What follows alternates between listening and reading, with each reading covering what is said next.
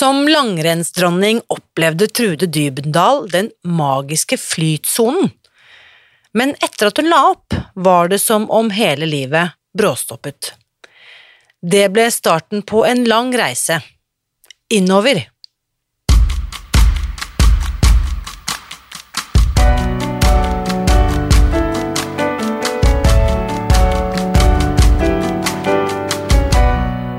Mitt navn er Irina Lie. Jeg er journalist og forlegger, gründer og sosial entreprenør. I 2015 spiste jeg meg fri fra overvekt og fedme etter å ha slitt med vekt, kropp og følelser i nesten 30 år. Etter at jeg knakk koden, ga jeg meg selv et nytt oppdrag – å dele denne kunnskapen med alle som trenger det. I denne podkasten kan du derfor høre hele lydboken Spis deg fri. Den finner du ved å bla deg tilbake i arkivet og lytte til første sesong. Hver uke inviterer jeg nå gjester som gir deg påfyll til hodet, hjertet og magen. For min visjon er å endre Helse-Norge, og det får jeg ikke til alene. Du bidrar ved å abonnere på podkasten, skrive en omtale i iTunes og tipse meg om hvem jeg burde invitere hit. Da setter vi i gang med ukens episode. Som skidronning taklet Trude Dybendal det meste. Hun føk gjennom sporet, gikk fra triumf til triumf, og i første halvdel av 90-tallet vant hun det meste av det som var å vinne i skisporet. Det var først da hun la opp og skulle takle overgangen til det vanlige livet, at ting stoppet opp. Og voksenlivet ble ikke som forventet, tvert imot. Det førte Trude inn på et helt nytt spor og en spennende reise som pågår fortsatt. Her er ukens gjest. Kjære Trude, velkommen til podkasten. Takk skal du ha, Irina. Og det som er så fantastisk, at vi ikke bare ser hverandre, vi sitter faktisk i samme rom. Ja, her er kjøtt og blod sammen. Det er fint. Det føles litt sånn radikalt. Liksom, nå har jeg liksom i de siste to årene så å si bare snakket med gjestene mine på Zoom. Så når vi fant ut at du var i Oslo og vi kunne møtes her, så ble det liksom noen ekstra bonus. Det var ikke jeg vond å be. Nei. Men du, altså Selveste eh, altså min gode kollega her, når jeg fortalte at du skulle komme i dag, altså han ble litt starstruck. Altså selveste Trude Dybendal. Altså, ah. får du den? Altså, vi som er 40 pluss, husker deg jo veldig, veldig godt. Eh, men vi har jo også lyttere som ikke er 40 pluss. Eh, hvordan skal vi oppsummere din enestående karriere sånn i en podkast-intro? Jeg eh, var så heldig at jeg hadde vokste vokste opp og inn på landslaget og inn i voksenlivet. Mm. Så jeg, da jeg var 16, så kom jeg på landslaget, og jeg ga meg da jeg var 32. Så da hadde jeg også vært halve livet på landslaget. Ja. Ja. Og i løpet av den karrieren som var fantastisk spennende, eh, morsom, eh, oppturer og nedturer, så ble det vel i alt eh, ni internasjonale mesterskapsmedaljer med VM-gull og sølv i kvinnenes dal, Val di Fiemme, i 1991. Mm. Mm. Og en del worldcupseiere, OL-sølv og litt sånt. Så det har vært eh, mange fine år. Eh, og en mulighet til å erfare veldig mye som menneske. Ja. Eh, både på å finne ut hvordan en fungerer på denne innsiden. Eh, hva som virkelig funker. Når kommer den inn i flyten, og når, når, når fungerer denne innsiden min? Og det har, det har da og når, hva er det jeg gjør når jeg tipper ut av det, og struler og gjør dårlige valg og alt sånt. Ja. Og det har jo denne toppidrettskarrieren vært en veldig, veldig fantastisk fundament for å oppdage, da. Og det er det som er fascinerende når jeg leser, for du har skrevet en bok som jeg eh, ennå ikke er ferdig med å lese, må jeg si, men den er jo helt ufattelig, og jeg bare elsker tittelen 'Medaljens innside', for det er jo det det handler om. Det er det ja. vi skal snakke om i dag. Ja. Innsiden vår. Og det er et eller annet um, med det livet du har levd som er så enestående i forhold til altså Folk flest har jo ikke opplevd det du har gjort. Men det du setter ord på denne boken likevel, har så stor overføringsverdi. Det opplever jeg som eh, motstand du møter på, både internt og eksternt, og hvordan du finner ut at du har valgmuligheter. Ah, hvem har vært din veileder i alt dette, eller har du vært din egen veileder? Eller Fortell litt om, om den reisen der.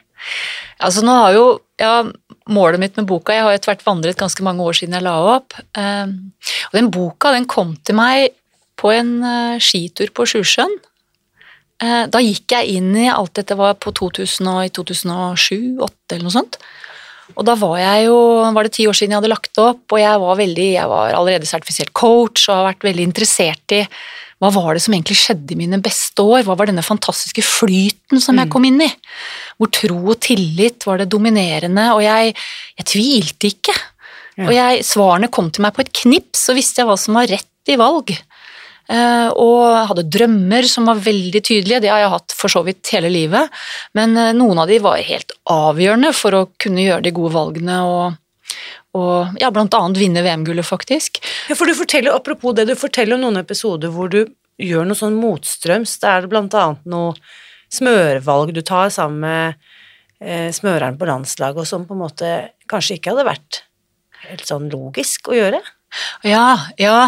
ja, det, det er, ja jeg deler jo mange historier. Men å si om boka så har jeg det er fint å høre at du sier at du føler at dette er en bok som ikke bare er for idrettsutøvere, for det er den jo absolutt ikke. Jeg, jo, jeg avler jo også på en god del av mine etter hvert 20 år, da, pluss etter at jeg la opp. og Jeg gikk jo skikkelig på snørra når jeg la opp eh, eh, Sakte på snørra etter at jeg la opp, mm. fordi jeg forlot på en mange måter det jeg hadde vært i, som hadde vært i sånn kjernesenser, for å leve dette livet i veldig god kontakt med min egen kjerne med å, dette som jeg sa, med tro og tillit, og, og kjenne hva som er riktig, og, og la det lede meg, da, ja. i smått og stort. Og det vandra jeg veldig dugelig bort fra etter at jeg la opp, for da tenkte jeg ja, nå har jeg vært heldig og hatt den delen av livet mitt, men nå er det dette livet på meg òg, liksom. Ja, nå skulle du inn i corporate og ja. bli vanlig. Ja. Inn i A4 og corporate og det hele greia der. Så, så, jeg deler jo egentlig den reisen og det som, uh, som jeg er blitt min sannhet og oppdagelse og erkjennelse, da, at det er, det er, en del nøkler ut ifra hvordan jeg levde som toppidrettsutøver, som er sentralt for oss som menneske. Mm. For å kunne ha en indre balanse og harmoni i oss selv, for da kan vi også leve i balanse med omverdenen. Ja. Og, og, det er jo kunsten, tenker jeg, den største kunsten er jo å klare å komme bort fra å leve fra frykt og bekymringer. Mm som, som, gjerne kommer fra disse tankeprogrammene, og 'jeg er ikke god nok', og 'hvordan skal det bli', og 'jeg trenger å vite hvordan det skal være', veldig mye mentalkraft i det, til å komme inn til den troen og tilliten, denne vissheten inni meg om at jeg finner vei. Jeg kommer til å finne løsninger. Jeg mm. trenger ikke å vite alt i dag, hvordan det skal bli, fordi jeg får faktisk beskjed mens jeg går. Jeg blir guida mens jeg går. Og det jeg refererer til da, det var jo det jeg opplevde så sterkt i i mine beste år i toppidretten, og, og deretter iblant. Og jeg har jo definitivt hatt det i livet mitt etterpå, men, men jeg har sånn derre Hvorfor forsvant det nå? Nå er det her, men nå er det ikke her. Hvorfor det? Så jeg har liksom gjennom årene og masse kurs og utdannelser osv. Så, videre, så har, er det egentlig nysgjerrigheten som har drevet meg hele tiden. Hva, hva var det egentlig jeg dumpa bort i denne tilstanden som man nå kan kalle jeg kaller høyere bevissthet? Flow er et litt misbrukt begrep, men det er jo det er ikke bare flow full fader, nå flyter businessen mm. skikkelig, det kuler inn med oppdrag her, og det bare gønner på. Nei, jeg, da inkluderer jeg den det, liksom det, det effortlessness, ja. altså denne lettheten egentlig ved å leve ved Litt sånn tidløsheten? En tidløshet, og, og, at selv om For livet sender oss jo utfordringer. Mm. Det gjør det jo. Det er jo livets vesen, og det er jo sånn vi kan lære å utvikle oss. Så, så, det er klart, selv om man er i denne såkalte tilstanden, flowen, så kommer jo Altså, vi har barn eller familie eller foreldre eller kollegaer eller vår egen kropp og helse som plutselig ikke henger med. Det er jo så mange ting som spiller inn. Så livet utfordrer oss. Mm. Men da er det likevel å kunne ha denne kontakten ja.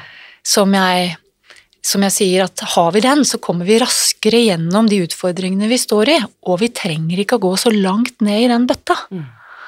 For du beskriver jo Dette er jo da sant, du nevner her, du har lagt opp, og du er i corporate, og så kommer du hjem en dag, og den scenen er veldig sterk når du beskriver deg liksom liggende i fosterstilling på, på, kjøkkengulvet, og du klarer nesten ikke å bære opp handleposene til kjøkkenbenken, ja. og du bare har liksom Opplever jeg, da, treffer en slags bunn, ja. og bare 'Dette går ikke'.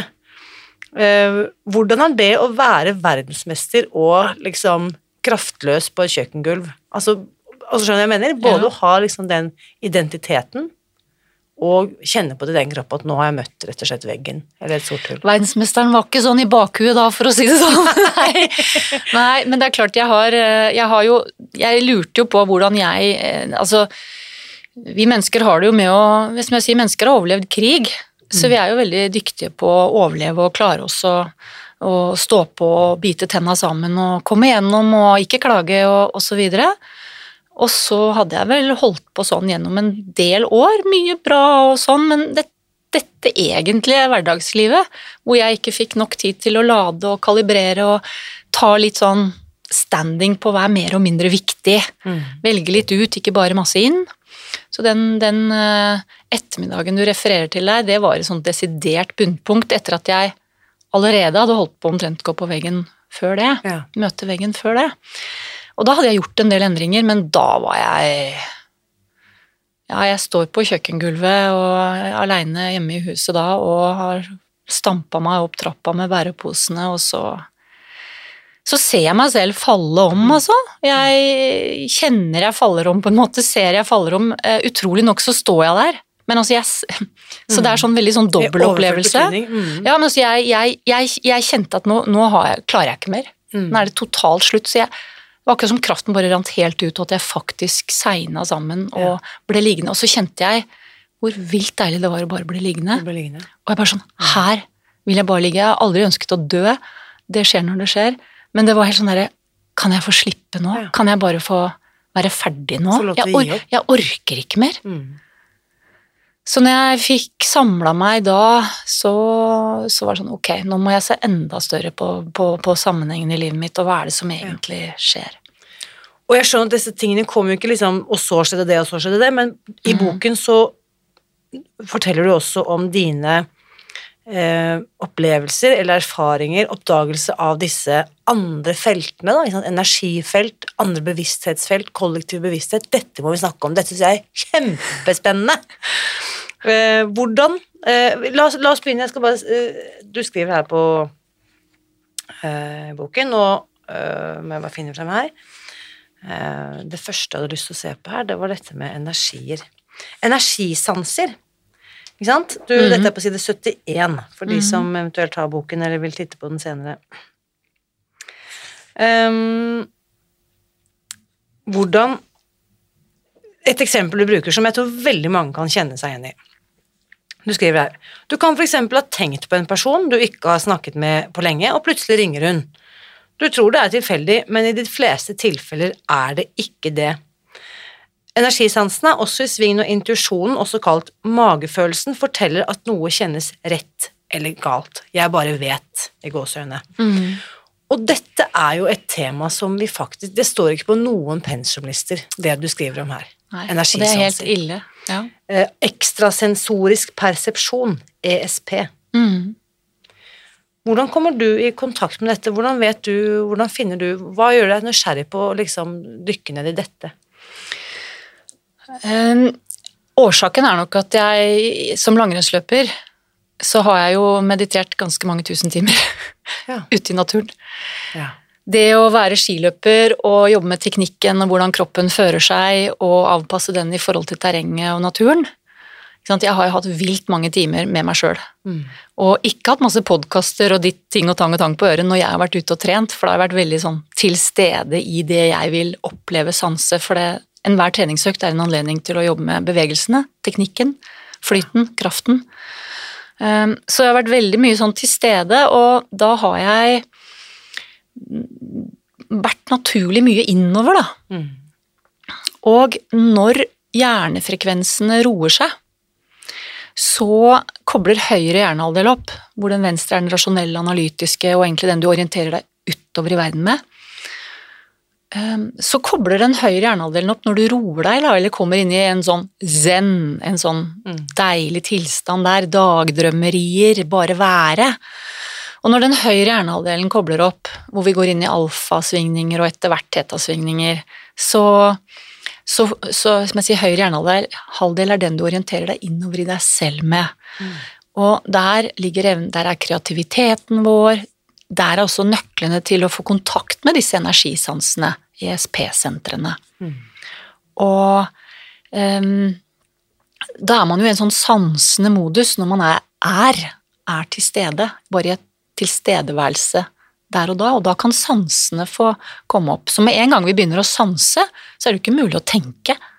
Nei. Ikke sant? Nei, ikke sant. Den rasjonelle, mentale delen av oss som tenker, men når vi går inn i å sanse og kjenne, enten legge merke til pusten, kroppen eller lukter eller lyder utenfor oss, men altså bare inn i denne sansende tilstanden, da klikker vi også inn til det området da, hvor du kan få guiding fra ditt høyre selv. Ja. Eh, Fra en høyere bevissthetstilstand av deg selv.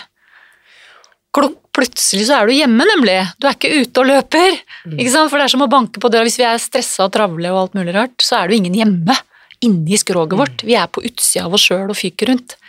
Men når vi er i den tilstedeværelsen, så, så er vi hjemme, og da kan plutselig meldingene komme igjennom. Og dette har jo jeg fått praktisert ganske mye gjennom skilivet mitt. Men visste du da at det var det som Nei, Nei, For det har du funnet ut etterpå gjennom coachutdanninger og andre ting du har på en måte studert senere. ikke sant? For du har jo også gått det, det Nå er det liksom 100 tanker her på en gang, men du får bare ha meg unnskyldt. Men liksom, dette med zen også snakker du om. Du har jo også gått inn i på en måte eh, Hva kan vi kalle det, da? Eh, Altså, energienes verden Ja, mm. er kanskje et rundt begrep på det. ja. Ja. Altså, når jeg satset, så var jeg var det veldig mye som pågikk i kroppen min av det jeg i dag kaller energiaktiviseringer. Jeg deler jo en historie ganske tidlig i boka på prøve-OL på Lillehammer, verdenscupen der, hvor jeg har en helt rå det jeg nå etterpå, mange mange, mange år etterpå skjønte var en kundalini-aktivisering. Altså en enorm aktivisering av energisystem inni oss. Jeg skjønte jo ikke pukket, Eh, men det var jo rett og slett før start helt orgasmisk. Eh, Men jeg hadde opplevd så mye rart allerede av ting og tang i kroppen min, og jeg, så, så jeg var ikke sånn hva er dette, ble jeg redd, eller et eller annet sånt. Det var en fantastisk dag, jeg var bare gira på å gjøre et kjempeløp. Jeg var nok ekstremt til stede, det er en nøkkel. ja. Å være ekstremt til stede i nuet, for det er der magien skjer. Mm. Og så var jeg, visste jeg jo løypa, jeg kjente løypa, jeg var forberedt, så jeg var liksom ikke så veldig tenkende. Jeg var veldig, som man har hørt, vi har fokus på oppgavene. Og etter hvert så er jo veldig mye oppgaver automatisert. Mm. Og når ting er automatisert på et høyt nivå, og du bare er der, så åpner det opp for next level av bevissthet. Mm. Og det, da kan vi få utrolig vakker, viktig informasjon gjennom til oss. Ja. Vi er dønn i kontakt med kjærlighetskilden som vi er en del av. Så det å være glad i seg selv og være mer raus med seg selv er mye lettere Mm. enn den tankemessige straffinga og si sjølsamtalen som Mm. vi ellers driver med. Så medaljens innside med den boka, så er det dette at jeg liksom ønsker å dele disse nuggetene og disse Mm.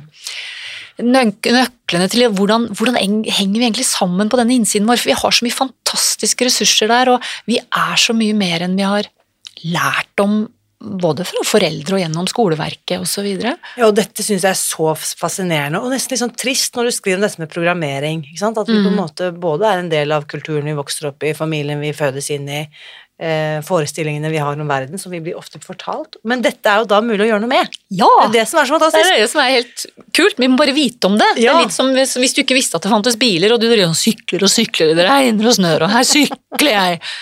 Fins det biler òg? Yes. Yes! Men jeg tror kanskje at jeg Men du sier 'deler noen nuggets. Jeg må si at jeg har ikke vrukket faktisk å lese fra hele boken, men det er altså 317-18 sider pakket med visdom og praktiske tips og gode spørsmål. Jeg elsker gode spørsmål. Ah, så flott. Um, fordi at det får meg jo til å begynne å tenke um, For eksempel her på side 201. Refleksjonsspørsmål. I hvilken grad er du bevisst at du er mer enn tankene dine? Og det er jo Jeg har jobbet med meditasjon og er yogalærer og holdt på med pust og diverse greier, og det der to, Jeg var ganske voksen, altså, for jeg skjønte Ja. at jeg er mer enn tankene mine, og ikke minst Dette er også ganske sånn sjokkerende news. Jeg er ikke kroppen min. Ja. Det, det, det første, jeg husker første gang jeg hørte det What? begrepet. Bare, Ja. What? Altså, hva? Mm. Men altså, hvis jeg virkelig går inn i det at jeg Ja. er ikke kroppen min At jeg er så vanvittig mye mer enn Eller kan det. vi si at du er så mye mer? Er så mye Du er kroppen din òg. også, men det er jo bare en La- bitte, bitte liten del Ja, men samtidig som jeg bare sier jeg digger kroppen min. Jo. Jeg er så glad for den kroppen min! Vet du hva jeg har tenkt? For jeg tenker liksom at vi vi er en spirit en sjel. Vi er noe mye mer. Og jeg deler jo en historie også om det når jeg går på rulleski og har et veldig kraftfullt treff med en ravn eh, på rulleski, hvor jeg er i dette her at vi er så mye mer. Vi er liksom vi er, Jeg har denne fysiske kroppen, den skal jeg love deg, jeg kjenner ganske godt. Etter å ha løpt fort opp og ned og hit og dit i skiløypa, og hvordan, hvordan være på lag med kroppen og få den til å yte og være snill med den og lytte til den osv. Og så er jeg et mentalt vesen også, for jeg har tanker, jeg har viljekraft. Um, jeg kan tenke, rasjonalisere, ikke sant. Og så sier jeg også at vi har et emosjonelt vesen også. Ja. Mm. og jeg liker å skille det mentale og emosjonelle, som man snakker om psykisk helse. så blir det, sånn, det blir en pott, det blir så vanskelig å skille på. Så jeg sier vi er også et emosjonelt vesen. Vi har disse følelsene våre som er det indre kompasset. Som, som er utrolig viktig. For meg, det har vært guiden min. Skal jeg gjøre det? Så kjenner jeg ja i kroppen, og det er en egen følelse. Og det er en helt annen følelse enn nei. Det er sånn sammen, sånn trekke seg sammen-følelse. Altså, så følelsene våre kan vi vel fort være enige om er kjempeviktige i livet, selv om de er saldert bort veldig mye. Og så er vi da dette fjerde vesen, som jeg sier. Vi har et indre vesen. A spiritual being. Så når vi er inspirerte, da er vi i kontakt med den. Og så, og så er det jo altså det fantastiske at alt dette er vi, og mer til. For dette er jo liksom på en måte inngangsdørene til noe, da. Men det jeg skulle si er at jeg har mange ganger vært så vilt glad for at jeg har denne kroppen! Ja. Så jeg kan oppleve jeg, jeg trenger ikke gå fort opp alle bakker i det hele tatt. Jeg liksom, I've been there, done that. Jeg digger å være ute i naturen. Eh, se himmelen, høre pippen, høre bekken, fargene, luktene. Og bevege meg på masse forskjellige måter, altså. Enten det er gå eller jogge eller padle eller ja, fjellet eller skogen eller Ja. Det er så rikt, det er så fantastisk. Og det å ha denne fysiske kroppen så jeg kan sanse denne fysiske verden og bevege meg i denne vakre fysiske verden, det er helt utrolig. Det er en gave. Mm. Ja. Og det tror jeg mange da, og jeg selv er skyldig i det, det går jeg glipp av når jeg stresser gjennom med halvåpen munn og podkast på øret og skal liksom være effektiv. ja. Det er ikke mye jeg får rekket og rukket å sanse da. Nei, det er jo ikke det, vet du.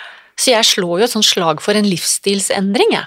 Jeg tror den måten Sånn fra mine perspektiv, så er, og jeg sto på det kjøkkengulvet som du sier, og da, da hadde jeg allerede klask, omtrent klaska veggen før det, eh, noen år før det, at vi snakker om et bærekraftig miljø og klima og greier og greier, så tenker jeg vi mennesker, vi lever ikke bærekraftige liv.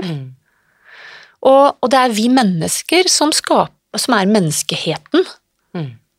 Så alt er såkalt fraktaler, akkurat som fra mikronivå én celle, så blir mange celler flere celler, og så har jeg en hånd, og så har jeg en arm. Så er det Jeg er ett menneske, men, Yes.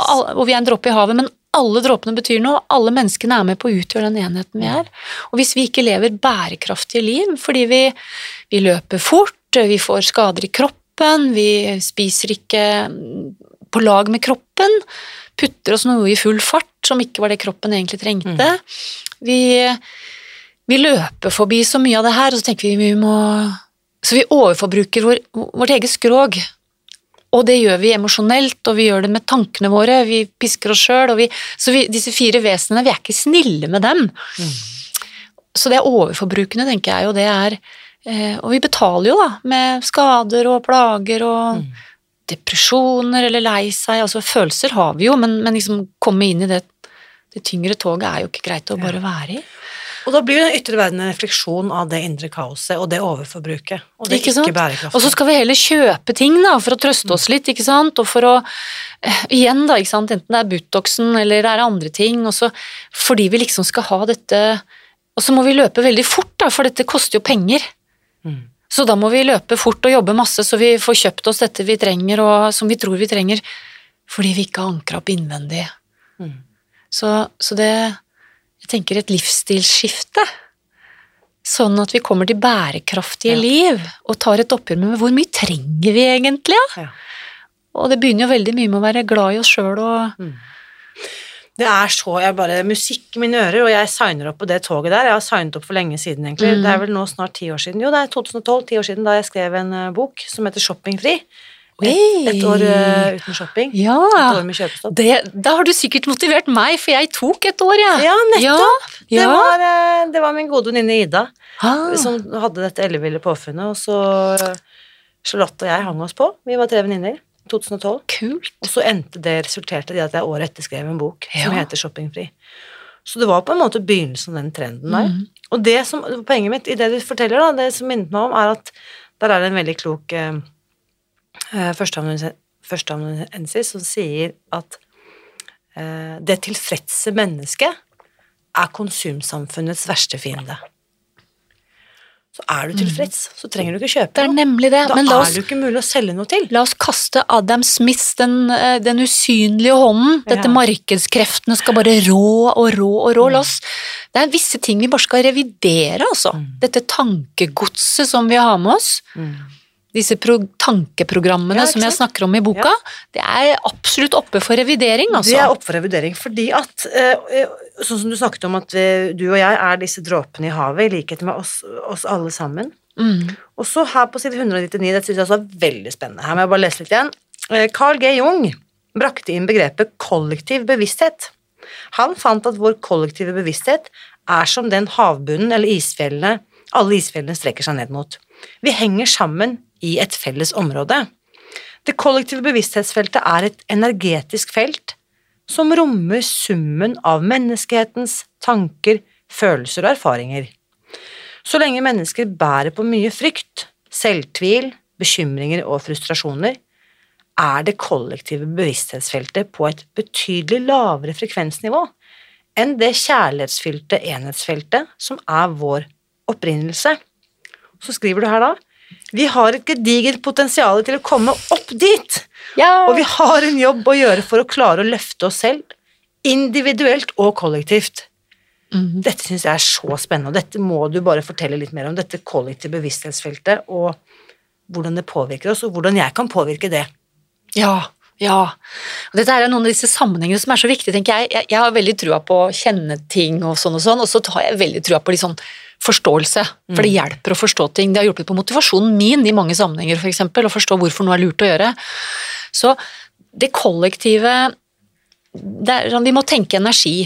At alt er energi. Og at våre tanker er energi, og følelsene er energi. Einstein sa jo alt er, alt er energi. Jeg er lik MC, han. Og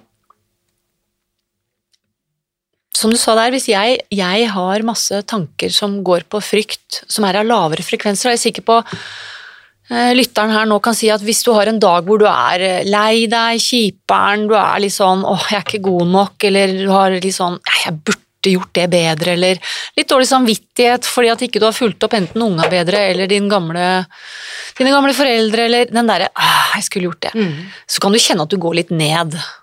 Altså du er litt, sånn, du er litt lav i forhold til noe sånn Yay, denne dagen er herlig, altså. Fikk den positive tilbakemeldingen, og jeg bare kjenner at jeg fikk en god treningsøkt i går, eller jeg føler meg bra, og jeg er glad, og så er jeg kanskje nyforelska, og så er det liksom yay, ikke sant? Det er jo en helt annen tilstand å være i, og det, den forskjellen er faktisk en energifrekvensforskjell. Ja. Det er det det er. Og det bringer oss da over på det som jeg også har lest masse om, og før jeg begynte å lese boken din, dette med David Hawkins sin Ja. pyramide. Ikke sant? Mm -hmm. Hva skal vi kalle det? Energifrekvenser. Um, hvordan man har ulike nivåer av Altså hvordan ulike følelser, da, for å kalle det det, slår ut på denne her eh, skalaen. uh, og så har du noen energier som rett og slett bringer deg inn i en nedadgående spiral, og så har du noen som bringer deg oppover. Ja. Du har noen tanker som vil bringe deg nedover, Ja. og så går det et sånn energetisk skifte hvor du, hvor du har tanker som bringer deg oppover. Og hvordan kan vi Vi kan da veldig enkelt forklare at denne pyramiden går da fra null til 1000. Mm. 1000, da snakker vi sånn Jesus og Buddha og Ja, lykke, opplysthet Ja. ligger der, så det er litt å strekke seg etter. litt å strekke seg etter. Men det som jeg syns er så fascinerende, for dette snakker jeg mye om i denne podkasten, nemlig skam. Mm. Det kan være skam Det er den laveste energifrekvensen man har målt. Den laveste Mm. energifrekvensen man har målt. Ja. Den måler 20 på en skala fra 0 til 1000. Der ligger skam og Ja. dupper. ja. Så verre kan det ikke bli. Nei, den er tung, altså. Og så må jeg jo si, da uh, Sorry, jeg snakker litt om det i boken min nå, men er det noen som har vært flinke til å påføre oss skam og skyldfølelse, så er det kirken. Ja, halleluja. Det kan Ja. vi trygt si. Ja. Mm. Religionene har vært der med den der store, feite pekefingeren sin. Mm. Skam deg! Mm. Ja. Så jeg har veldig tro på at vi er en del av noe større. Jeg kjenner det, kraften i naturen og alt som skjer, men den der pekefingeren, den er forferdelig for oss mennesker. Ja. Og den er stikk i strid med min livsfilosofi. Jeg tenker at eh, når vi gjør noe er feil i gåseøynene, når vi bommer, så er jo det vår mulighet til å lære og Ja. å utvikle oss. Ingen av oss er perfekte. Jesus sies det var ikke perfekt fra start av, han heller. Han hadde litt oppgjør, han òg, for han plumpa ned i denne verden og det kollektive bevissthetsfeltet, han òg. Ikke sant? Og det er Her er det jo frykt og bekymringer og ja, ego som eh, spiller stort opp, og usikkerhet og selvtvil og, og så videre. Så det å um, få innse at Og det tror jeg er veldig viktig i disse tider. Ekstremt viktig i disse tider hvor, vi, tider hvor vi trenger endringer. Mm. De løsningene vi har hatt hittil, de funker jo ikke. Mm. Um, så vi trenger åpenbart nye løsninger på mange, mange, mange områder Yes. flere enn folk flest kanskje er klar over. Og da eh, må vi tillate oss å prøve å feile litt. Ta elbiler som et eksempel. Det er jo litt spesielt at disse batteriene som er i elbilene, er såpass kostnads... Altså så mange kilo man trenger av noen mineraler som er vanskelig å finne, Ja. som visstnok også har en del med barnearbeid i gruvene i Afrika å gjøre. Altså, de graver fram. Altså, det kommer fra et sted, alt det som trenges inni disse batteriene. Er klart det er ikke alt vi holder på med, og løsninger som vi fant som i første sving var best. Og istedenfor da altså he-he, dreit deg ut! Ikke sant? Så var det sånn, Å, shit, ja, jeg setter meg i hjørnet, jeg skal aldri tørre å gjøre noe igjen, for det gikk rett på dunken. Da kommer vi jo ikke videre. Vi må, si, vi må, vi må egentlig applaudere når vi gjør sånne bommerter. Mm. Og så, og så, og det har nok vært en av mine fordeler med toppidretten og den jeg er. Det har funka veldig bra i toppidretten. Jeg leser jo med ly, leter jo med lys og lykte etter hva som kan bli bedre. Ja. Så du leter egentlig etter feil? Altså, Egentlig. Ja, jeg skjønner. Ja, Mm. og det er klart, det er også en ting å balansere, for man kan bli selvkritisk av det. Mm. Så det er svøpen på den andre siden. Ja. Men eh, vi, må, vi, må, vi, må, vi må komme dit at vi sier det er lov å feile, og jeg lærer av det. Mm. Um, og det har jeg kjørt på ungene mine helt fra de var små. Hvis de ikke rakk skolebussen eller et eller annet, for det, og da var det sånn istedenfor så må jeg ta bilen og kjøre ned til bygda, da, ned til Kjelsås, bodde oppe i skogen. Og istedenfor da, så da ble jo min dag forrykket, ikke sant, men istedenfor da å kjefte og mer, så er det sånn, ok gutter, hva kan vi lære av dette? Ja. Mm. Fordi vi sto opp i tide, vi spiste frokost. Hvor, hvor skal dette Hvor ut skal til høyre? Mm. Som gjorde at ikke den bussen rakk den. Mm. Og så finner vi det, da. Og så ok, men i morgen da kan ikke det Donald-bladet komme fram akkurat da. Nei, ikke sant. Ja. Ja. Og dette tror jeg er ekstremt viktig for disse tidene vi er i, for det er så utrolig mye vi trenger å endre på, for det er jo åpenbart ikke verken bærekraftig eller fredfylt, mye av det som skjer i vår verden. Så da må vi tørre å prøve litt og bomme litt, og så justere litt og komme videre. Vi må Og dette gjelder jo på et personlig plan òg. ja, det er jo det som er greia. Det det Når vi skal endre vaner sjøl, så må vi jo prøve. Prøve er ikke så dumt, det, skjønner du. Og vi prøver igjen. Jeg er, veldig, jeg er veldig med på den der. Jeg er med på den bestillingen. Og så må vi bare ramse opp litt mer av disse negative eh, energifrekvensene. Vi var inne på skam, Mm. men veldig mye av det du også snakker om her, ligger jo i samme sekken, for å kalle Ja, det det. Du har ja. frykt, sinne, usikkerhet, sjalusi, avvisning, bekymring, hat, fortvilelse, sorg, offerrolle, anger, skam, ja, skyldfølelse, håpløshet og bitterhet. Mm. Alle disse når da dette her taket på 200 da, på denne skalaen fra, 100, eh, fra 0 til 1000. Så, og det som kjennetegner alle de nedre følelsene, det kan vi si at livet skjer med meg, jeg er et offer, jeg har på en måte ikke noe, nesten ikke noe fri vilje her. Ehm, Jeg har ikke fri vilje. Nei. Livet skjer meg. livet skjer meg. Jeg nevner jo fire bevissthetsnivåer i boka. Jeg har kanskje ikke kommet dit. Nei, kanskje ikke jeg har kommet Nei, dit. Ja, for jeg nevner fire bevissthetsnivåer, og dette her er sånn, jeg, jeg, er en, jeg er et offer for alt. Ja. Jeg er en dråpe i havet og har ingen betydning. Nei. Jeg er betydningsløs. Jeg har, jeg har ikke en påvirkningsmulighet. Men det er der jeg lurer på om vi er litt sånn kollektivt nå, i 2022. Det er et godt poeng. Altså, er du med på tanken? Ja, jeg At vi ser er hva du veldig mange som sitter fast i den frykten og den Mm. offerrollen og på en måte hatet og Ja eh, jeg, jeg kjenner det på en måte sånn Jeg syns det er så deprimerende. Ja, det er Altså, jeg snakker jo om Og dette er viktig fordi vi mennesker har mulighet til å utvikle oss. Eh, Og hvis jeg sier at første bevissthetsnivå igjen er dette her hvor vi, vi tror at vi ikke har en mulighet til å påvirke noe. Mm. Så vi blir passifisert. Jeg kaller det bli passiv medflytter i livet. Ja. Og, og der er det jo mye selvtvil, og, og, og, kanskje også altså Man har hatt erfaringer, kanskje hatt lite støtte gjennom barndommen og ikke blitt heia på og fått slag på slag. Så, så det har på en måte blitt en del av det en tror livet er, da. Så det er ikke noe dømming i, i det når vi sier at der er, vi, der er det mange som har vært og er, og kan duppe nedom i dårlige dager. Mm. Og så har vi bevissthetsnivå over, bevissthetsnivå over hvor vi er eh, Jeg vet at jeg kan skape. ja. Jeg, jeg har faktisk opplevd at jeg kan sette tankene mine på noe og bruke vilja mi og klare å få til noe, altså. Yay, ikke sant? Og det kan ha vært studier man får den erfaringen på, det kan ha vært korps og, og, og idretten eller hva enn. Men jeg har den erfaringen at jeg har en skaperkraft. Veldig mye i den, og det er fint, da begynner jeg å bli en aktiv medflytt, medspiller i livet mitt. Ja. Ikke sant? Og jeg godtar ikke alt sånn uten videre, for jeg veit at jeg, jeg kan faktisk rå med en del ting. Mm. Veldig mye på det bevissthetsnivået er mentalt, altså Ja. tanker Og- og viljekraft. Og da har vi kommet til, til disse ehm, øh, følelsene som for eksempel lekenhet Mm. og aksept og tro, egenverdi, tilfredshet, glede mot, håp og nysgjerrighet. Mm. Da er jeg med på å skape Mm. eh, livet. Ja. Og du var inne på dette med mestringsfølelse. Ja, ikke sant? Og dette er jo fantastisk deilig å bevege seg opp dit, da. Mm. Og så er det klart at når vi lykkes, så er, det, så er det lett å fortsette å være der, og så hvis vi får motgang, så kan vi jo plutselig plumpe ned i Vi har alle dager hvor vi plumper ned i offerrollen og sånn Å, Ja dette var kjiperen. Mm. Men vi har så store muligheter til å skape, og, på det nivået der så er det veldig mye at vi skaper med det jeg kalte det mentale vesenet. Med kunnskapen vår, med viljekraften, og, og her har vi også det at vi er i overforbrukende liv. Ja. Fordi hvis vi går for hardt på, på vilja vår, så lytter vi ikke til hva kroppen sier. Mm. Vi lytter ikke til det innerste.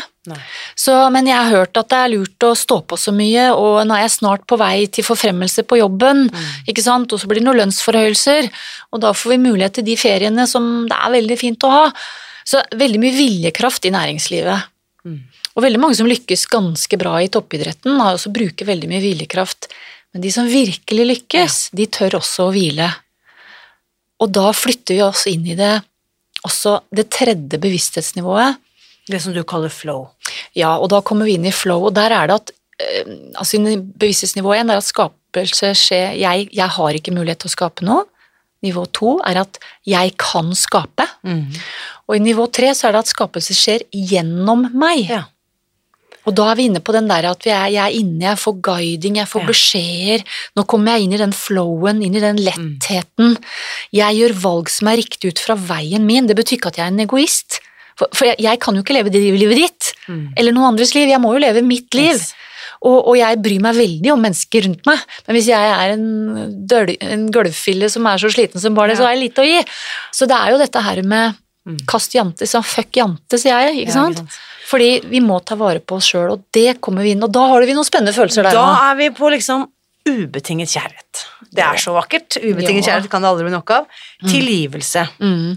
ydmykhet, medfølelse, takknemlighet, lidenskap, tillit og ikke minst egenkjærlighet. Mm. Og akkurat sånn som du sier, at livet skjer gjennom meg, så jeg på en måte bare er et eh, et, et vessel, hva heter det, en, kropp, da, eller en, på en måte et hylster for at andre krefter også virker gjennom meg. Ja.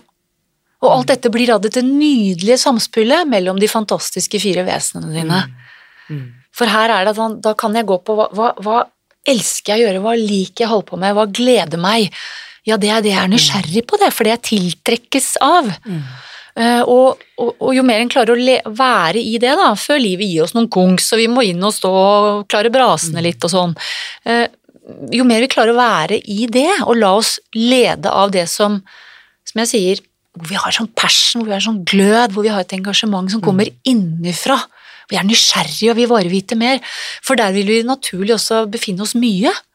Og i et område innenfor et felt, fagfelt, område kokkerier, musikk, kunst, idrett, eh, samvær med andre mennesker på noen måter, der blir vi jo også veldig gode. Når vi, altså, Mm. Befinner vi oss mye der, så kommer vi til å bli gode på det. Ja. Og på den måten så merger talentene våre og det vi har med oss på en veldig fin måte, da. Og det er langt forbi liksom det du kan utdanne deg til. Altså, Ja. Det er på en måte, ja, ikke sant? Og så, da. Da er vi oppe, i, oppe og nikker sammen med Jesus og Buddha og gjengen. Når du er oppe i ren Tao, eh, når jeg på en måte er helt fullkomment opplyst Altså, Jeg vet ikke om det trenger å være et mål engang, men vi kan bare vite at det er på toppen av pyramiden, så er denne opplystheten. Og kanskje ikke minst vite at det er vår essensielle tilstand. Ja.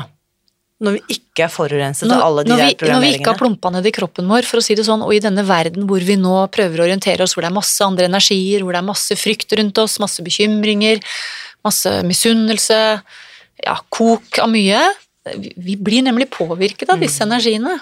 Så, men vårt høyere selv, og for de som tenker at det er noe mer enn ett liv, og at ja, det er en sjelsessens her, så er jo det, så er jo det vår høyeste essens. Ja. Den tilstanden.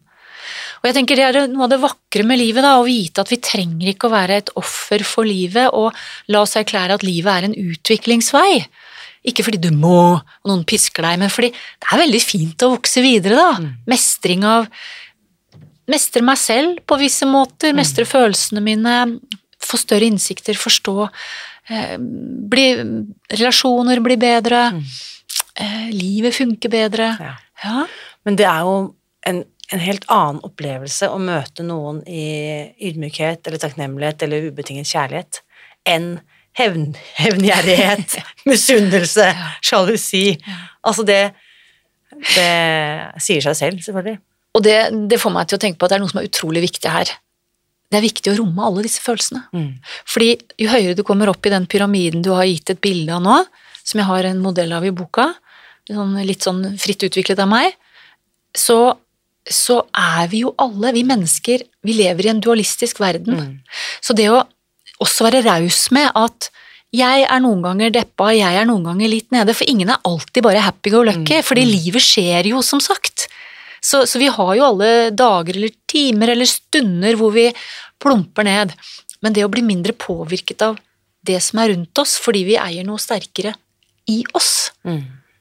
det er jo veldig fint, da. Og så, jo rausere jeg kan bli med meg selv på Ja, men jeg har også noen downsides, jeg har også noen sånne ikke så gode sider. Men jeg, jeg ser dem, og jeg driver og jobber med dem og jeg sånn, forbedrer dem. Og, men jo rausere jeg kan være med meg selv, Mm. jo raus, lettere er det jo å være rausere med andre. Ja, vanvittig. Ikke sant? Så, Igjen da denne eh, refleksjonen, eh, ytre og indre Ja. Mm. ikke sant? Så jeg er jo eh, sniker inn da veldig mye av dette som jeg La oss si at vi kan putte dette i sekkebetegnelsen selvutvikling, da. Mhm. Og jeg sniker veldig mye inn av de kursene jeg holder, og folk tror kanskje at de melder seg på et kostholdskurs, men jeg putter inn litt takknemlighet, da. Fantastisk. Ikke sant? Og da tenker jeg sånn det, Dette er noe vi må øve oss på, fordi Mm. at det er så fjernt fra den programmeringen mange av oss har hatt. Gjennom oppveksten. Gjennom Så det, den vi går og tror vi er, og hvordan vi tror alt er. Ja. Kulturen, Mm. hvordan alle andre er rundt oss. Mm. Så det er helt lov sånn fake it till you make it. Altså typ sånn late som om du er takknemlig, og bare prøve å finne på et eller annet du kan være takknemlig for, inntil du føler at du faktisk mener det. Jeg tenker at det, det er absolutt en tilnærming. Absolutt en tilnærming, men det jeg, det jeg vil si som er innmari viktig i disse tider, det er at vi møter det som gjør at vi ikke klarer å være takknemlige. Ja. Fordi så, så jeg tenker det er noe sånn, det er sånn korttidsløp, og det er klart at hvis du er på jobben og du er midt i noe og ting skjer, så er ikke det sånn Vent, nå skal jeg kjøre litt prosess innover her. Vent litt nå. Prosjektmøtet mitt. Det er jo ikke sånn det er, ikke sant? Da, da får man gjøre med, en sånn, med, med liksom mentale teknikker og så videre, så gjør man et skift. Og så er jeg til stede, og så er jeg med og på nå. Men hvis jeg stadig registrerer at ja, men det er noe, det er en stein i skoen her, så er det jo veldig lurt å å ta seg litt tid til å stoppe opp og så se hvorfor, hvorfor klarer jeg egentlig ikke å være takknemlig. Ja. Mm. For det, fordi fake it to make it, det er den mentale viljekraften som holder på. Men vi har alle mennesker med oss sår fra barndommen av. Mm. Og jeg kan også si fra lengre bakover enn det. Det kommer gjennom blodslinjene våre via DNA-et vårt også. Mm.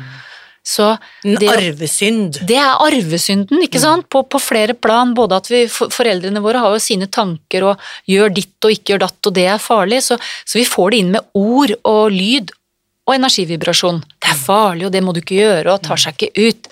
Ikke sant? Så sånn går den arvesynden videre. Vi har alle muligheter til å bryte dette her nå, og, men da er det viktig å vite at det er ikke bare en positiv psykologi, nå kan ikke jeg den ut og inn, så jeg skal ikke si det, men det er veldig sånn, det er ikke, det er ikke bare fake it to Nei, make it. si og jeg, Ikke sant? jeg er selvsagt med på den. Og så lurer Det er jeg på utrolig viktig i disse tider, fordi vi snakka kollektiv bevissthet.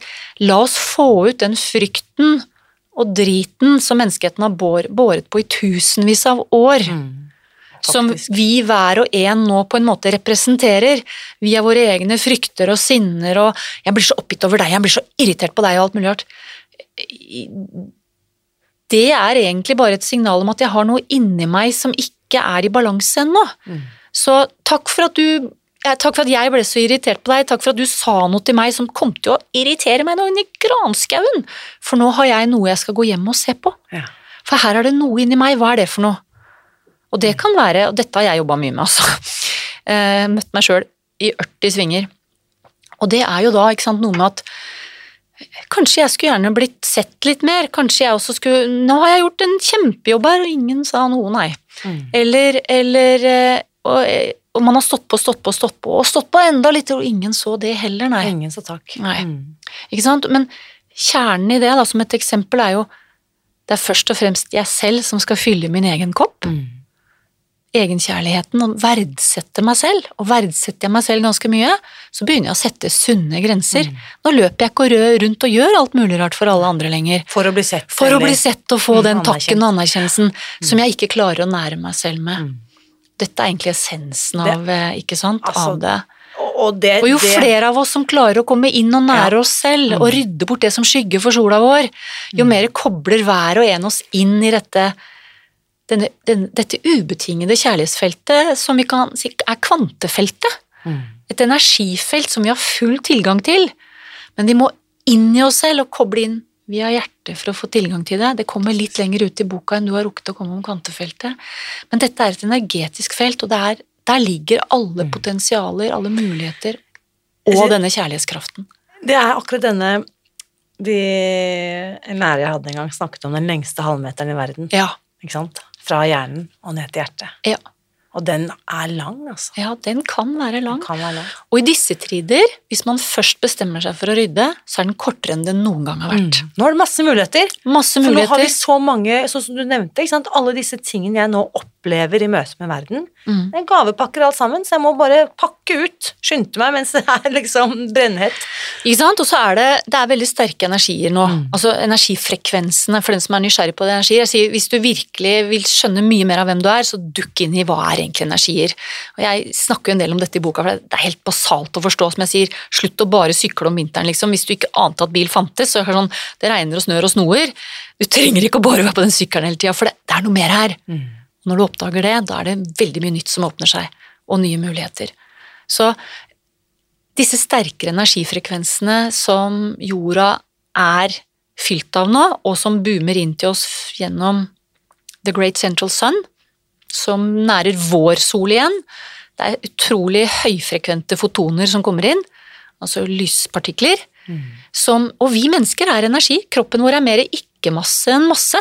Så dette påvirker kroppene våre veldig. Det er nesten som du nå kan løfte fillerya som har masse smuler på seg, og riste det av. Så disse fryktene vi går med, og disse sårene som vi har innvendig, hvis vi nå gidder å stoppe opp Ja. og være nysgjerrig på hvorfor, hvorfor må jeg jage hele tida, hvorfor klarer jeg ikke å sette meg ned og slappe av?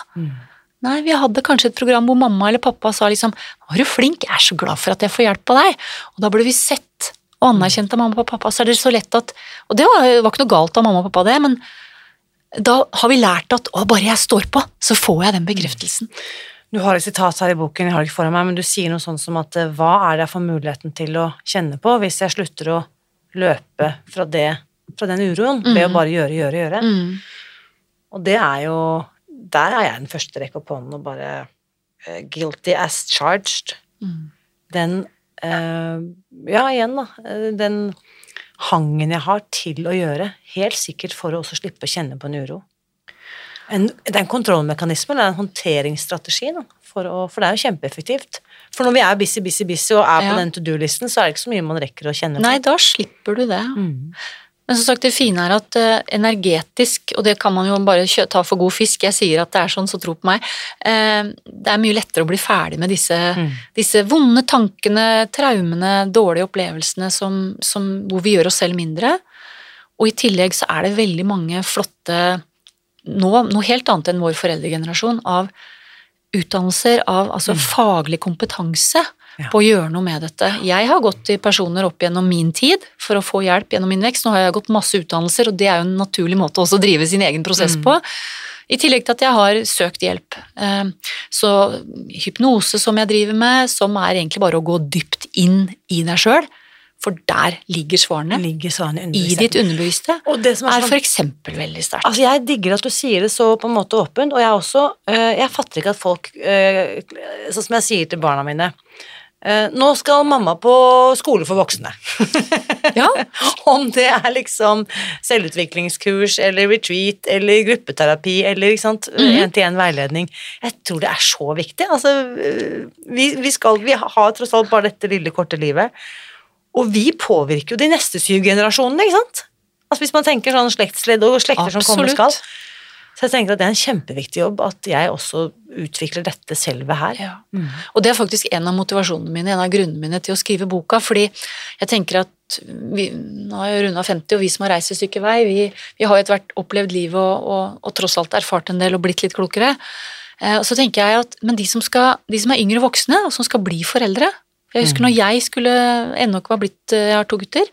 Ennå ikke var blitt mor, så var jeg på en gestaltveilederutdannelse. Og jeg, eh, og jeg eh, jeg fikk helt sånn der, Da gikk det opp for meg Fy fader, vi sender disse mønstrene våre videre. Mm. Og jeg hadde jo vært såpass selvoppdagende at jeg hadde sett hva min fantastisk kjære mor og far, som også har sin forhistorie, hadde sendt videre til meg. Som, jeg, som jeg har rydda i. Ehm, for- vi har alle våre slag, liksom. Slag og koks. Så jeg sa herregud, sa jeg til kurslederen, jeg, jeg tør ikke å bli mor. Er du gæren? Dette skal ikke jeg sende videre. Mm. Og så, for det, da så jeg virkelig at shit, altså. Men som hun sa, vet du hva, men dette er jo det som er å være menneske. Vår mulighet Mm. er at vi kan utvikle oss, og så sender vi noe annet bedre videre. Og det må jeg si, en av mine sterkeste drivkrefter for å utvikle meg selv, personlig, som jeg ærlig talt også gjorde veldig under toppidretten, men dette å ta enda mer tak i dette gamle som jeg ville rydde ut av feltet mitt, Mm. eh, det var også for å være en bedre forelder. Ja. Jeg ville sende noe bedre videre.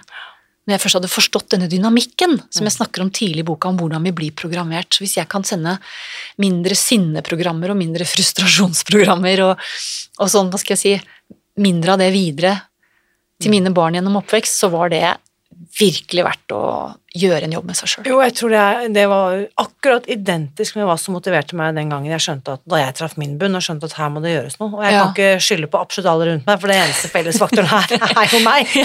Ja. Så, men um, jeg tenker også de som nå hører dette, som har voksne barn, da, så Mm. tenker jeg at det er utrolig viktig å minne om at det ikke er for sent. For selv når en Ja. voksen forelder gjør disse endringene, Ja. så merkes det, og det påvirker.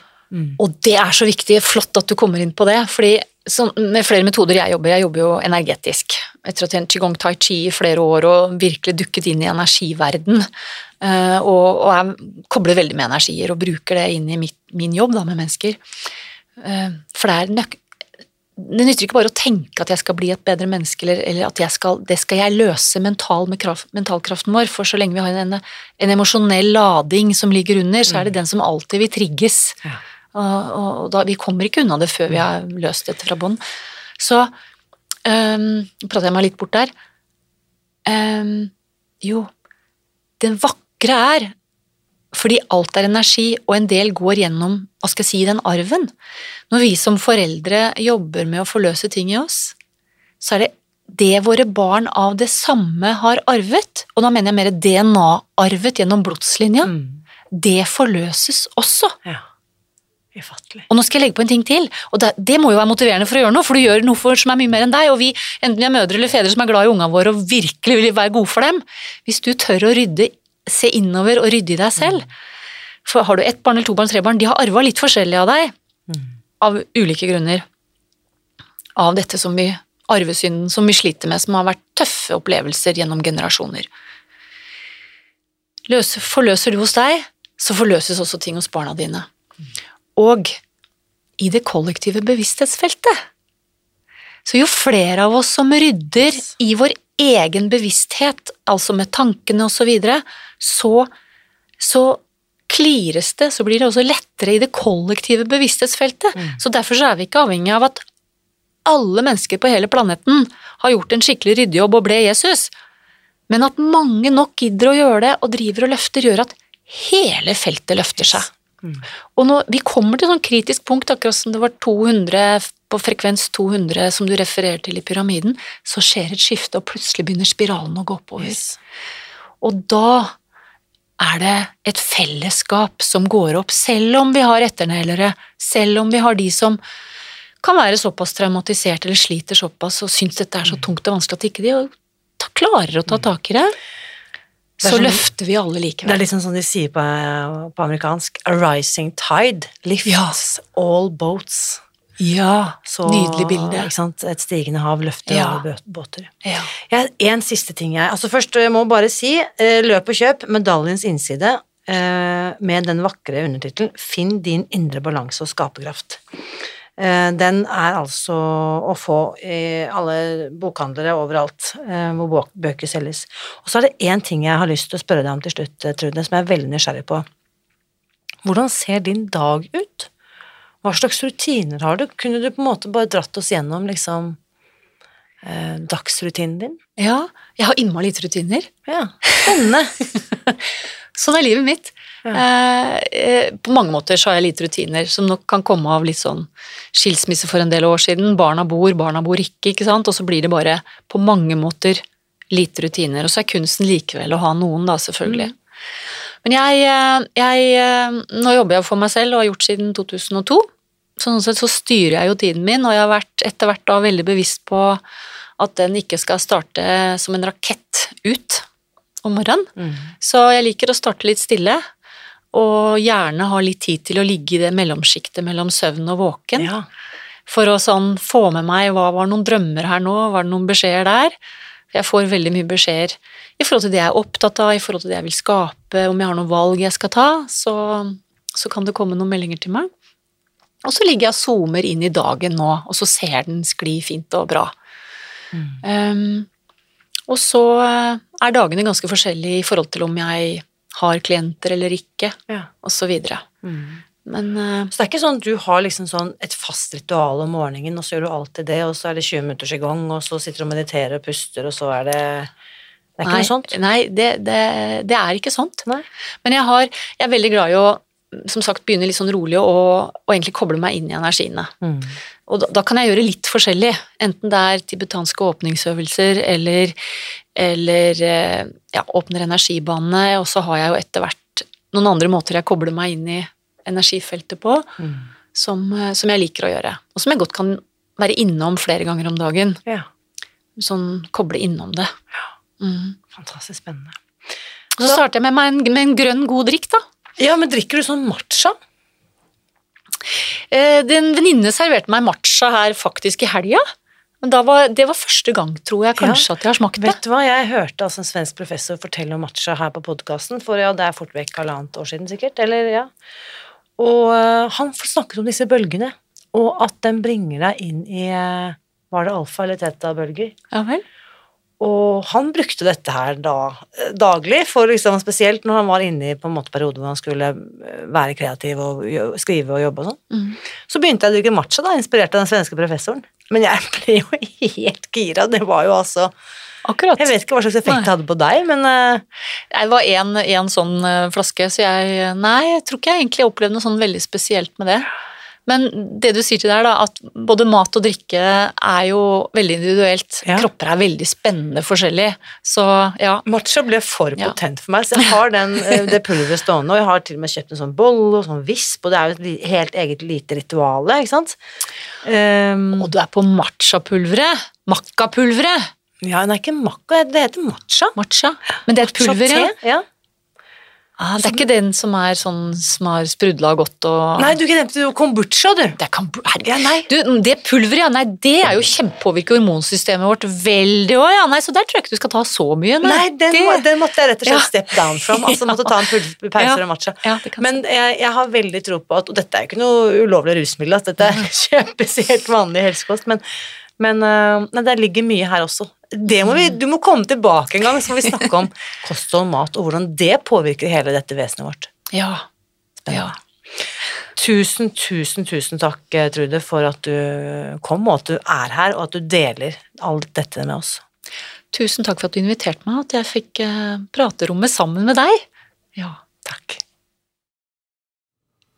Nå lurer jeg på, hva tar du med deg etter å ha hørt min samtale med Trude i dag? Jeg vil gjerne invitere deg til å bli med inn i den åpne Facebook-gruppen Spis deg fri, og dele din takeaway fra dagens episode. Og en takeaway det kan være så lite som et ord eller en setning, eller en innsikt som du sitter igjen med, eller rett og slett noe du har lyst til å gjøre etter at du har hørt denne episoden. Og jeg tror det viktigste du kan gjøre hvis du er motivert til å ta tak eller endre retning i livet ditt, det er å be om hjelp. Og hvis du er klar for å komme i gang og spise deg fri, så vil jeg at du skal vite at teamet mitt og jeg, vi står klare til å hjelpe deg hver eneste dag, hele året rundt. Og du finner mer info om vår eh, kursgruppe på våre nettsider spisdegfri.no fristed. For tro meg, det blir så mye enklere å gjøre endringer i livet ditt hvis du velger å gjøre det sammen med noen. Så hvis du er klar for å gjøre ord og tanker om til handling, så logg deg på nett og bli med. Du finner altså kursgruppen på spisdegfri.no fristed. Husk også, uansett hva du velger å gjøre for å ta vare på deg selv, så vit at jeg heier på deg. Alltid.